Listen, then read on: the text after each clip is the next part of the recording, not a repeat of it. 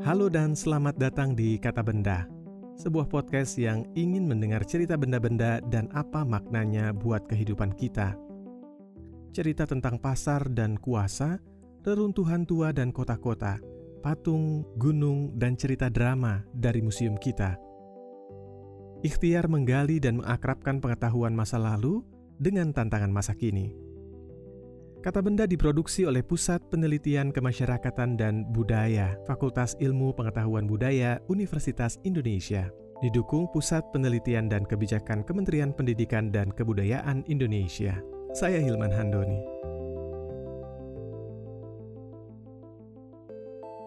Uh, tahun yang lalu, saya berkesempatan mewawancarai dengan uh, Enrique Penalosa, wali kota Bogota. Bogota ini adalah kota yang sistem transportasi bus cepatnya kita adaptasi menjadi busway Transjakarta. Sambil berpeluh mungkin uh, karena kepanasan atau karena geram, dia bilang kira-kira begini, lihat coba trotoar ini. Ya memang uh, kondisinya rusak parah, sempit, terhalang pohon. Waktu itu 2009 ya kira-kira.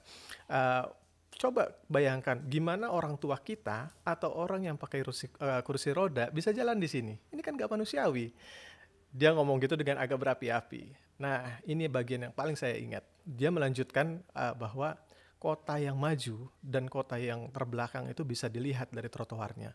Kota yang maju itu adalah kota yang trotoarnya berkualitas dan manusiawi, di mana yang miskin dan yang kaya bertemu dan menikmati kota bersama-sama. Ada kesetaraan di sana. Dari kutipan ini kita bisa jadi membaca bagaimana peradaban sebuah kota Uh, bisa membaca, bisa dibaca dari situ, dari trotoar, dari aspal, dari taman, dari bagaimana sebuah kota ditata. Ini juga bukan praktik baru sebenarnya, sebab nenek moyang kita juga yang telah dipengaruhi kosmologi Hindu-Buddha uh, juga telah menata permukiman kotanya berdasarkan kepercayaan itu pusat kota di tengah, sementara yang lain-lainnya terletak berkeliling atau mengelilinginya. Nah, bagaimanakah sebuah kota menjadi bentuk ekspresi budaya manusianya dan bagaimana juga kota mempengaruhi ekspresi budaya manusia? Kita akan berbincang-bincang dengan arsitek, uh, ahli tata kota, ketua Dewan Kesenian Jakarta periode 2006-2009 Marco Kusuma Wijaya. Selamat siang Mas Marco.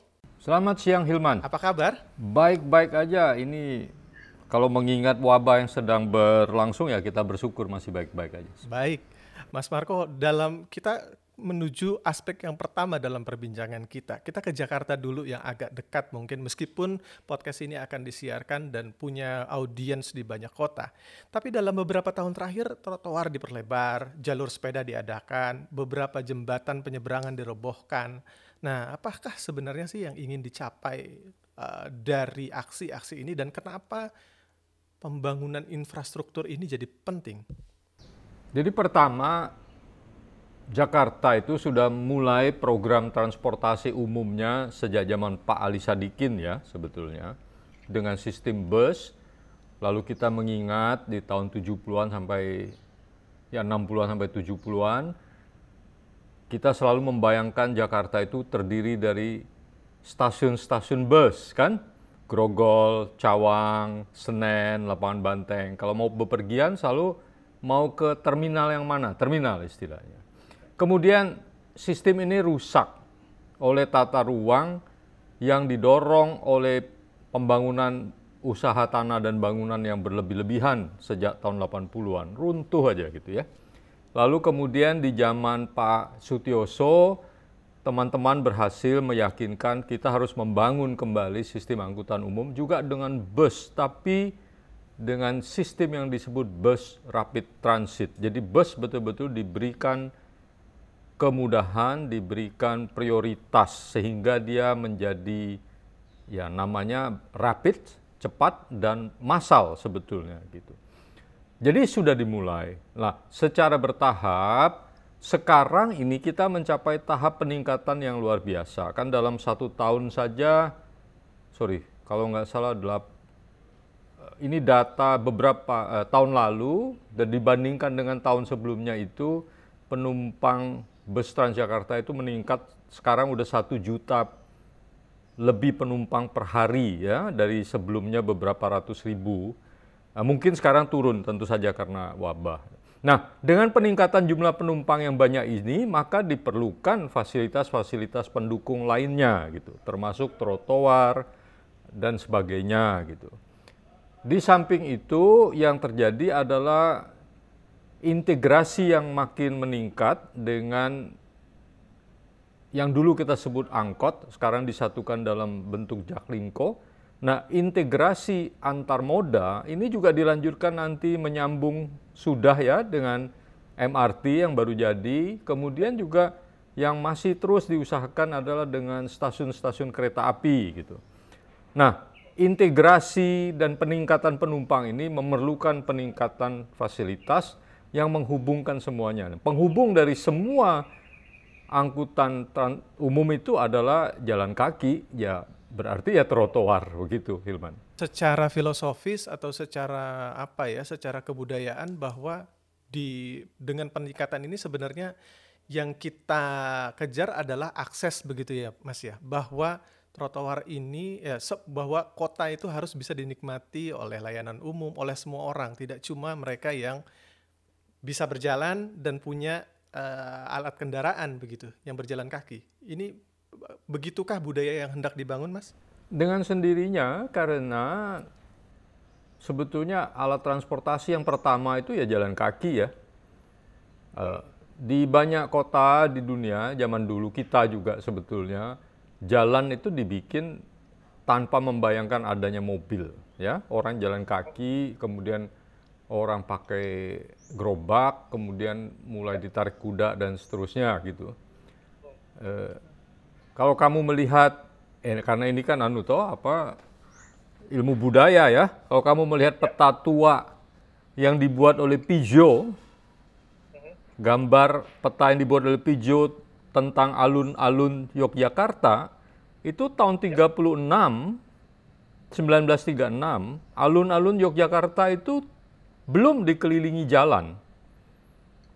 Begitu juga Solo dan saya duga alun-alun lainnya gitu. Dan kita lihat pada peta tahun 1945 juga tidak ada jalan mengelilingi alun-alun itu. Jadi alun-alun itu lapangan hijaunya itu langsung nempel ke pagar masjid di sebelah baratnya kalau di Yogyakarta. Kemudian ke utaranya nempel di pagernya Museum Sono Budoyo, Seni Budoyo atau Sono Budoyo ya, di utaranya. Jadi kita itu sebetulnya mengalami geger modernitas ketika mobil itu masuk gitu. Seolah-olah semua orang harus naik mobil. Nah sekarang kita menyadari kembali bahwa ternyata ya yang bisa punya mobil itu mungkin cuma 10-15 persen orang gitu. Sementara ada 80 persen orang yang kita sebut mayoritas penduduk kota itu tidak bisa punya mobil. Gitu. Lalu baru orang berpikir ke luar negeri ya ternyata memang angkutan yang adil itu adalah angkutan umum. Sebetulnya bukan hanya angkutan, sebenarnya sebuah kota supaya dia adil dan adil itu syarat dari suatu persatuan dalam kewargaan kota. Syaratnya adalah sebanyak mungkin adanya fasilitas bersama, bukan fasilitas orang per orang gitu uh, pembangunan MRT juga kan memicu uh, tumbuhnya sentra kuliner baru, ada revitalisasi kawasan begitu ya. Ada uh, tumbuh juga kita mulai mencintai lagi jalan kaki dan lain sebagainya. Apa yang menarik dari gejala ini, Mas? Itu akan meningkatkan apa yang kita sebut sosiabilitas ya, meningkatkan interaksi sosial. Yang ya kalau kamu lihat sekarang orang jalan kaki di trotoar itu aja nggak kebayang kamu tiga tahun yang lalu Tiga tahun lalu tuh, aduh orang di trotoar tuh jalan terseok-seok. Jenis bersaing dengan motor, kan? Iya, dan jenis orangnya juga berbeda. Sekarang di trotoar ya, kita itu lebih beragam ya orangnya ya. Ada yang berpakaian sangat rapi, ada yang yang tidak, artinya ada yang pegawai kantoran, ada yang tidak, ada yang jualan juga. Gitu. Jadi sangat beragam dan penuh sesak. Karena itu diperlebar, itu akan meningkatkan sosiabilitas. Nah, memang tantangannya adalah menata titik-titik di mana ada naf, naf ya, hub ya, naf ya, pertemuan antar moda ini sehingga dia melayani masyarakat lebih baik. Nah, tentu saja eh, makanan itu penting. Jadi se bagaimanapun se umumnya penduduk kota di dunia itu makin mereka berkota makin banyak yang makan di luar. Gitu. Kalau kamu lihat peradaban kota-kota yang tua atau bangsa-bangsa yang tua, itu juga kulinernya tua sekali dan juga restorannya itu tua sekali gitu ya. Ada ada restoran yang berumur ratusan tahun di Jepang, di Cina karena itu memang bangsa-bangsa dengan budaya kota yang tua sekali. Jadi makan di luar itu akan menjadi makin lazim dan itu harus diakomodasi. Tapi juga sebetulnya naf-naf dari sistem angkutan umum ini bisa dimanfaatkan untuk membangun lebih banyak tempat tinggal yang terjangkau, yang selama ini juga menjadi masalah di Jakarta. Orang tinggalnya jauh gitu, padahal eh, di dekat angkutan umum itu baik disediakan angkutan, eh sorry, dia sediakan hunian yang terjangkau sehingga juga eh, tercapai tujuan mobilitas yang yang penting ya. Jadi kehidupan kota itu juga mengandalkan mobilitas, dua mobilitas, mobilitas sosial dan mobilitas fisik yang dua-duanya berkait. Itulah daya tarik utama dari orang tinggal di kota ini. Orang ingin naik naik pangkat dalam tanda petik. Apa mau naik tangga sosial itu loh. Dan itu memerlukan mobilitas sebetulnya. Hmm, dan itu yang harus diakomodasi sebuah kota. Ya, dan ditata. Kalau kalau tidak ditata tentu akan seperti biasa akan dikooptasi secara berlebihan oleh kapital ya, oleh oleh pemodal, oleh motivasi mencari untung. Hmm. Mas Marco, eh, Jakarta, Surabaya, Medan dan macam-macam kota-kota di Jakarta kan kota-kota di Indonesia itu terus tumbuh di dunia bahkan tumbuh uh, diperkirakan juga pada ya saya lupa angkanya tapi 2050 pertumbuhan kota akan akan lebih banyak begitu. Dan banyak kota juga kemudian me, me, apa ya menghubungkan kota mengkontraskan kota dengan desa mengkontraskan kota dengan misalkan kekumuhan permukiman yang jelek pasar tradisional dan macam-macam dan berusaha menghilangkan kesan tersebut dari kota yang hendak mereka bangun mereka memimpikan sebuah citra atau bacaan wajah yang baru lah dari sebuah kota. Pendapat Mas Marco soal ini, bagaimana uh, eh, upaya kota-kota ini melepas dari uh, kampung, wajah kampung, wajah tradisional, wajah permukiman kumuh, bagaimana Mas? Sebetulnya harus dikoreksi. Maaf nih, saya mesti mengkoreksi kamu nih Hilma. Tapi saya pikir kamu sengaja kan untuk memancing. Jadi tidak benar juga kalau kampung kumuh ya kalau kamu pergi ke kehidupan pedesaan, dalam pengertian desa benar-benar di mana katakanlah 90% lahannya adalah pertanian, orang di situ hidup sangat sehat, sangat bersih. Ya, di Jawa-Jawa itu kalau kamu bangun pagi jam setengah lima itu kamu sudah mendengar orang menyapu halaman, ya kan? Ya. Itu kenangan yang tidak bisa kita lupa dari masa kecil kita di desa. Ya, Kebanyakan ya. kita dari desa atau yang di Jakarta ini juga masih 40 persen. ya. Itu kalau jam 5 pagi itu kita mendengar suara orang menyapu halaman dengan sapu lidi. Sangat bersih. Halaman-halaman di Jawa itu sangat bersih. Airnya bening karena sungai langsung gitu. Dalam pengertian yang masih pristine, yang masih indah. Nah, sama seperti kota-kota kita yang dulu ketika masih kecil, sebelum katakanlah tahun 20-an atau mungkin sebelum tahun 40-an, kota-kota kecil kita juga bersih-bersih saja gitu ya.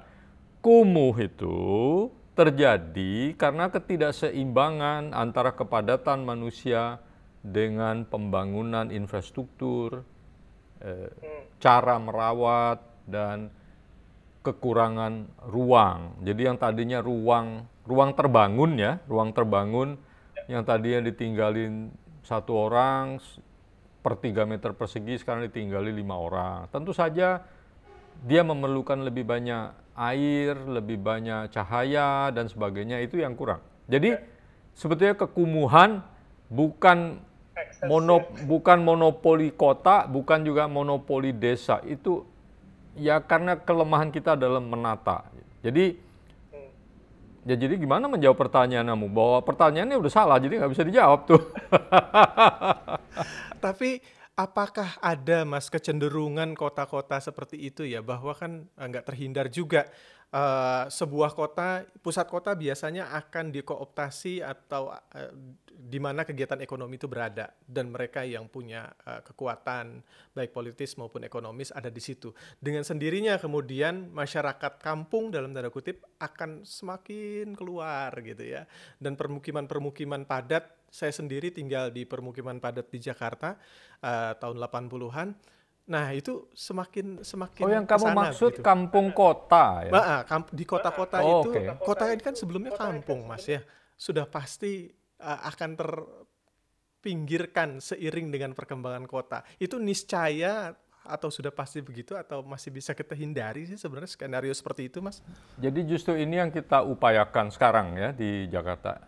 Kami itu artinya saya dan teman ya sebetulnya mungkin Hilman kenal saya dari dulu saya memperjuangkan jangan kampungnya yang digusur atau orang yang digusur, tapi diperbaiki gitu. Nah ini memang kebetulan mendapat dukungan dari pemerintah sekarang, maka kita melihat misalnya kampung akuarium itu bisa dibangun kembali kampungnya. Jadi sebetulnya resepnya udah jelas. Makanya sebenarnya saya agak malas bicara tentang Jakarta, karena Jakarta itu resepnya sudah jelas, ya, tinggal melakukannya dan memang untuk melakukannya itu diperlukan kehendak, diperlukan komitmen, diperlukan konsensus itu, diperlukan kepemimpinan politik akhirnya karena berubahnya itu harus drastis dari dari ya tadi itu menggusur kampung menjadi membangun kampung gitu. Yang kita lihat sekarang misalnya di kampung akuarium ya karena dia sudah terlanjur terbongkar semuanya dibangun kembali di tempat yang persis sama tetapi dengan kualitas bangunan yang lebih baik, kualitas eh, ruang terbuka yang lebih baik, bahkan uh, ada situs arkeologi yang ya. digali dulu, kemudian ditutup kembali, tapi tidak dibangun di atasnya untuk kegiatan permanen tidak. Jadi itu menjadi ruang terbuka yang sewaktu-waktu bisa aja digali lagi kalau mau ya. Kemudian sebagian isinya itu nanti uh, sudah dikeluarkan, dipelihara, disimpan sekarang nanti akan dibuatkan museum komunitas di situ. Jadi sebaliknya kita melihat di kota-kota seperti di Yogyakarta, teman-teman mulai meneliti yang namanya real estate ini. Kalau kita boleh menganggap real estate atau kompleks kalau di Jogja itu disebutnya sebagai antitesis dari kampung, kita melihat di kompleks-kompleks itu orang sedang mengubahnya menjadi kampung. Dalam pengertian orang melakukan kegiatan di jalan, di persimpangan, kemudian di jalan masuknya ada anak muda berkumpul, ngobrol, sehingga orang kalau keluar masuk tuh saling menyapa. Kalau yang niatnya buruk ya tentu akhirnya memang nggak enak gitu. Tapi kalau niat Anda tidak buruk ya halo gitu, gitu kan. Itu menjadi kampung. Jadi ada proses mengkampungkan ya dalam pengertian sosiologis, dalam pengertian interaksi. Jadi bukan dalam pengertian fisik.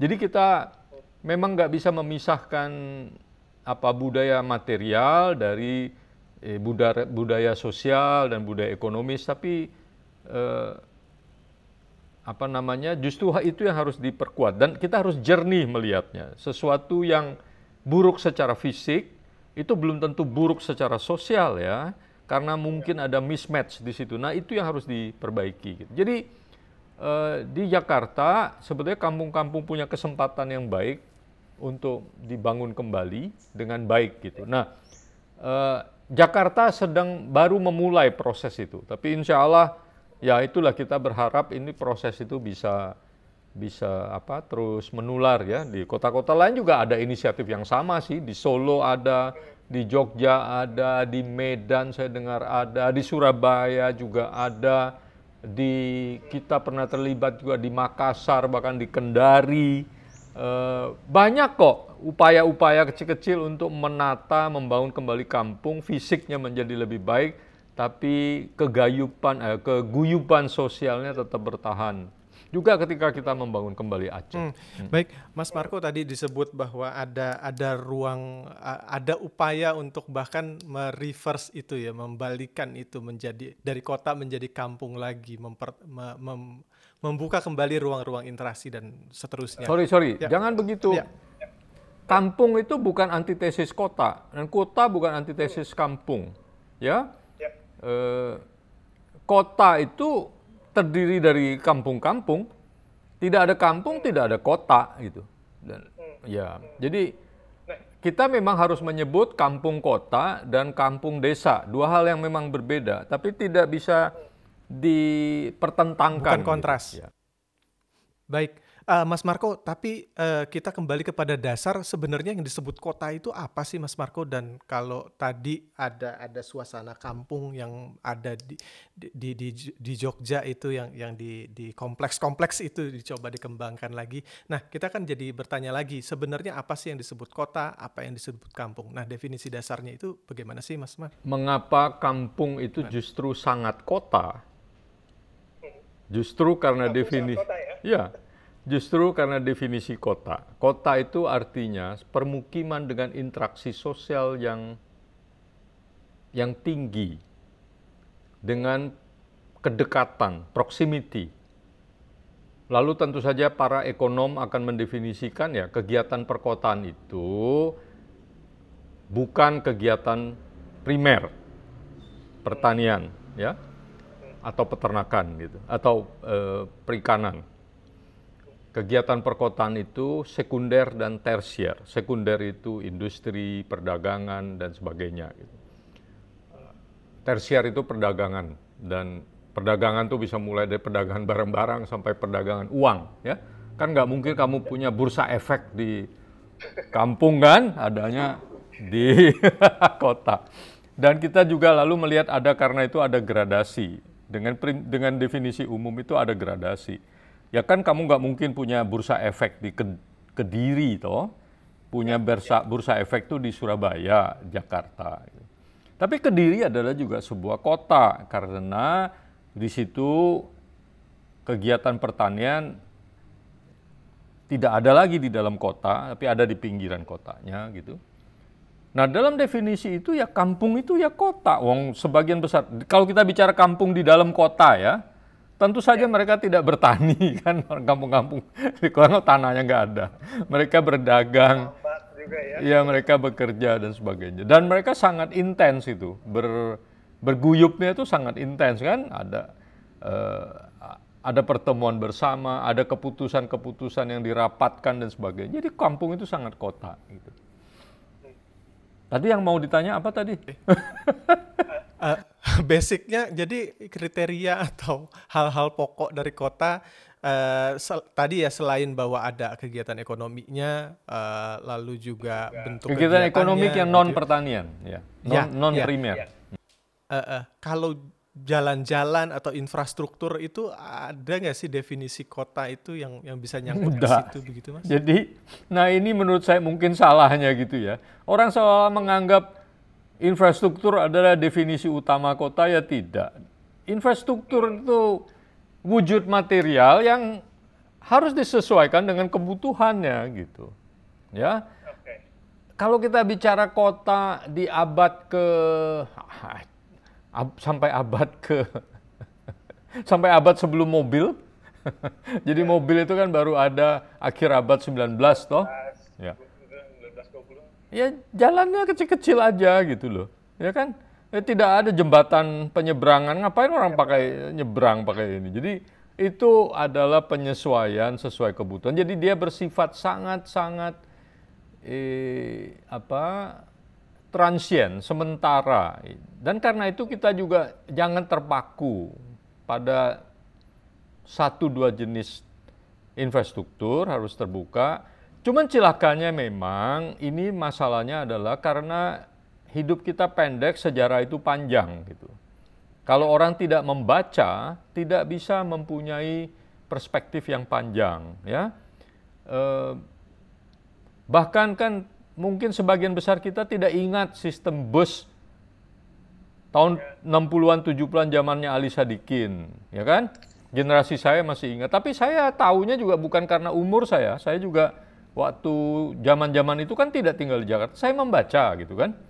Kemudian ketika busway diperkenalkan, bahkan ada orang yang sangat terdidik, pendidikan S2 di Amerika, bertanya dengan marah kepada saya, itu mengapa bus kok ada di jalur cepat? Salah dong, bus kan harus di jalur lambat kalau dia nurun-nurunin penumpang gitu. Jadi itu menunjukkan betapa gegernya kita, terlalu kita itu mudah geger oleh hal-hal baru yang merupakan modifikasi dari apa yang ada untuk disesuaikan dengan kebutuhan masa kini dan inovasi-inovasi baru. Jadi bus Transjakarta itu bus, tapi tidak seperti bus tahun 60-an 70-an gitu loh. Jadi itu contoh ya, ada contoh ke masa lalu, ada contoh ke masa sekarang juga bahwa ya kita harus punya perspektif sejarah lah dalam hidup di kota itu. Okay. Mas Marco ada dua pertanyaan lagi yang tersisa dari saya. Mas, yang pertama adalah uh, praktik-praktik tata kota mungkin di dunia atau di, di, di Indonesia yang menurut anda menarik untuk disebutkan untuk menunjukkan bahwa sebuah kota itu diorientasikan sedemikian rupa untuk warganya, untuk manusianya? Sepanjang sejarah, semua kota juga diusahakan untuk mengabdi kepada manusianya. Jadi nggak perlu ada contoh itu itu truisme ya itu truisme sebuah kota sebuah negeri mestinya dan selalu diupayakan untuk diabdikan kepada masyarakatnya hanya di dalam itu kan ada proses politik karena kehidupan bersama diatur melalui keputusan bersama. Keputusan bersama itu berarti politik ya. Jadi dalam pengertian ini juga saya pikir juga generasi muda, generasi yang saya nggak tahu deh sekarang ini juga perlu melihat politik itu bukan sesuatu yang menyeramkan. Politik adalah suatu proses pengambilan keputusan bersama. Nah, di dalam proses itu tentu saja ada orang-orang yang berusaha jahat gitu. Atau ada orang yang berusaha mengambil keuntungan uh, untuk dirinya sendiri itu harus diwaspadai. Tapi kelemahan yang ketiga adalah tadi sudah kita ceritakan bahwa kadang-kadang kita sok tahu dan mudah geger gitu.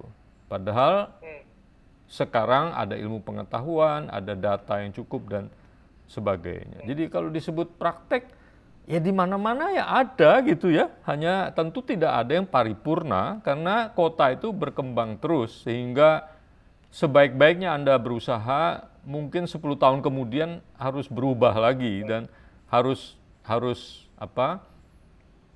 Harus ada tindakan baru, harus ada pembaharuan, harus ada inovasi dan dan seterusnya. Gitu. Karena itu kita punya proses politik memilih pemimpin tiap lima tahun sekali, karena kita tidak konstan. Jadi tidak memandangnya sebagai suatu yang aneh-aneh, biasa saja, karena setiap lima tahun memang kita perlu berubah. Bahkan mungkin setiap tahun sekarang ini. Gitu. Baik, Mas Marco, pertanyaan terakhir, Mas. Uh, bagaimana peran ilmu kebudayaan? Karena kan selama ini kadungnya tata kota itu adalah wilayahnya teknokrat wilayahnya uh, teknik sipil, insinyur, arsitek dan macam-macam. Sementara ilmu kebudayaan mungkin uh, berurusan dengan hal yang lain. Tapi mungkin bisa uh, uh, Mas Marco jelaskan juga bagaimana uh, ilmu kebudayaan mampu dan bisa kemudian berkontribusi terhadap tata kota atau bagaimana kita menata kota. Jadi begini, mitos bahwa menata kota itu adalah urusan teknokrat itu dibangun oleh Orde Baru yang didukung oleh akademisi-akademisi yang menjadi konsultan dan akademisi yang di bidang perencanaan dan pengembangan kota dan wilayah itu memang bersifat teknis ya. Hmm. Dan saya pikir ini bukan hanya terjadi di bidang perkotaan lah, di semua bidang hmm. kan kita itu dibilangin ala lu nggak tahu apa-apa. Yang tahu itu kami pemerintah. Dan kami ini dibantu oleh profesor ini profesor itu gitu ya. Hmm. itu menurut saya terjadi di semua bidang. Nah perannya sekarang udah jelas. Wong kehidupan bersama kehidupan bersama itu multidisiplin ya kan? Uh, dan banyak hal harus dibongkar. Misalnya begini ya yang saya sering jadikan contoh itu Mengapa yang di dalam penataan kota itu ada istilah yang disebut KLB, koefisien lantai bangunan. Nah, hmm. banyak sekali istilah-istilah penataan kota itu bersifat uh, apa namanya? idiosinkretik ya. Apa cuman orang tertentu yang ngerti itu apa istilahnya itu? Istilah kalangan aneh -aneh. sendiri, kalangan sendiri. Oh, oh kalangan sendiri. mereka membuat itu sehingga membingungkan kita. Nah, KLB itu artinya jumlah lantai, luas lantai yang boleh dibangun dalam pengertian perbandingan terhadap luas tanah yang Anda miliki. Ini kan yang tinggi itu cuma sepanjang jalan utama, ya, yeah, Tamrin, yeah. Sudirman, Kuningan dan sebagainya. Hmm. Sementara di kampung-kampung malah nggak boleh gitu loh. Kau ditanya kenapa? Nah itu jawabannya teknokratis. Ya karena di situ infrastrukturnya uh, mencukupi. Loh, infrastruktur kan bisa dibangun. Mengapa tidak membangun infrastruktur lebih banyak di kampung saya? Itu kan uang bersama. Gitu. Lalu orang-orang ini, teknokratis ini tidak sadar bahwa ruang sebetulnya adalah politik. Karena ruang itu menyangkut keadilan. Di kota ini kita tidak bicara luas tanah, tapi kita bicara mengenai luas lantai yang boleh dibangun. Kalau Anda dinyatakan tanah Anda itu boleh membangun lebih banyak lantai, maka harganya naik. ya kan? Jadi bayangkan selama puluhan tahun praktek tata ruang kita ini, yang sudah punya tanah, kebetulan jalannya diperlebar terus, tiap tahun dia dapat rezeki nomplok karena hmm. ditingkatkan terus KLB-nya itu dan jalannya diperbaiki itu di situ-situ saja gitu.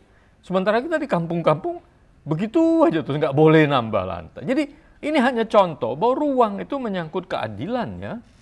Ya hmm. ketika Anda bicara keadilan bagaimana teknokrat bisa belajar tentang keadilan kalau bukan ke ilmu-ilmu budaya gitu. Kemudian jangan lupa kampung itu punya sejarah ya. Jadi misalnya kita punya museum Muhammad Husni Tamrin itu di tengah-tengah ya, kampung ya. Kenari itu.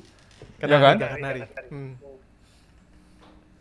Tamrin itu dari dulu hidupnya di kampung dan bagi dia kampung itu kota gitu. Ya, bagaimana kita tahu nilai kampung dan nilai museum yang di jadi itu tanah dan rumah dibeli oleh Tamrin untuk diwakafkan kepada masyarakat itu. Bayangkan Kemudian jangan lupa, emangnya negara ini dirumuskan di mana coba? Dirumuskan di rumahnya Cokro Aminoto, dan di seberangnya itu ada penerbitan. Kemudian di masuk sedikit ke jalan ke dalam itu ada tempat tinggal katanya Soekarno pernah tinggal di situ. Itu namanya Kampung Peneleh di Surabaya. Saya nggak tahu mengucapkan yang benar karena saya bukan orang Jawa. Nih. Peneleh di Surabaya. Di kampung itu, Bung, di tengah-tengah kampung ada yang kadang-kadang di halaman orang, ada yang di dalam rumah orang, ada yang di tengah jalan, ada kuburan. Kemudian belakangan ini orang menemukan ketika menggali untuk memperbaiki selokan, orang menemukan um, sumur Majapahit itu loh, yang namanya sumur yang dibuat dari apa tembikar itu. Itu khas Majapahit. Jadi bayangin di masa itu mereka sudah membuat apa namanya boys ya kalau sekarang kita nyebutnya itu dari tembikar dan standar bentuknya tuh ya garis tengahnya mungkin 80 90 cm standar tingginya 60 70 cm standar bisa dari Trowulan terus bisa sampai ke Surabaya. Jadi nah ini semua teknokrat tidak bisa belajar kalau bukan dari para ahli ilmu budaya apakah itu arkeolog apakah itu ekonom, apakah itu sejarawan. Sebetulnya arsitektur kan juga harusnya ilmu budaya ya karena ya, ya. karena gini arsitektur masa kini nanti akan menjadi arkeol akan akan menjadi artefak arkeologi di masa lalu. Sementara apa artefak masa lalu itu adalah bahan ajar sebetulnya untuk arsitek masa kini gitu kan. Cuman ya kita nggak belajar juga gitu. Jadi ya anu aja seharusnya memang begitu gitu bukan bagaimana lah bagaimananya sih saya pikir sekarang udah mulai berubah lah mulai mulai banyak perencana kota arsitek mungkin juga profesor-profesor di universitas ya mulai mengajak ada pertukaran pengetahuan tapi sebetulnya harus sebaliknya juga gitu menurut saya jadi misalnya sudah tentu arsitektur harus belajar arkeologi secara batas. Tapi jangan lupa juga seharusnya para mahasiswa arkeologi juga harus belajar arsitektur. Saya melihat misalnya penelitian-penelitian arkeolog di bidang keruangan ya. Pak Profesor Mundarjito kan terkenal ya meng mengkaji uh, mengkaji sebaran candi-candi di Jawa Tengah bagian timur. Kemudian ada Veronique de Groot yang lebih luas lagi dia mempelajari sebaran candi-candi di seluruh Jawa Tengah dan Jawa Jawa Tengah terutama ya. Tapi lebih luas dari Profesor Mundarjito juga memanfaatkan seharusnya memanfaatkan ilmu-ilmu arsitektur dan mungkin kesimpulannya akan lebih tajam kalau bekerja sama dengan arsitek atau arsitektur menurut saya. Demikian.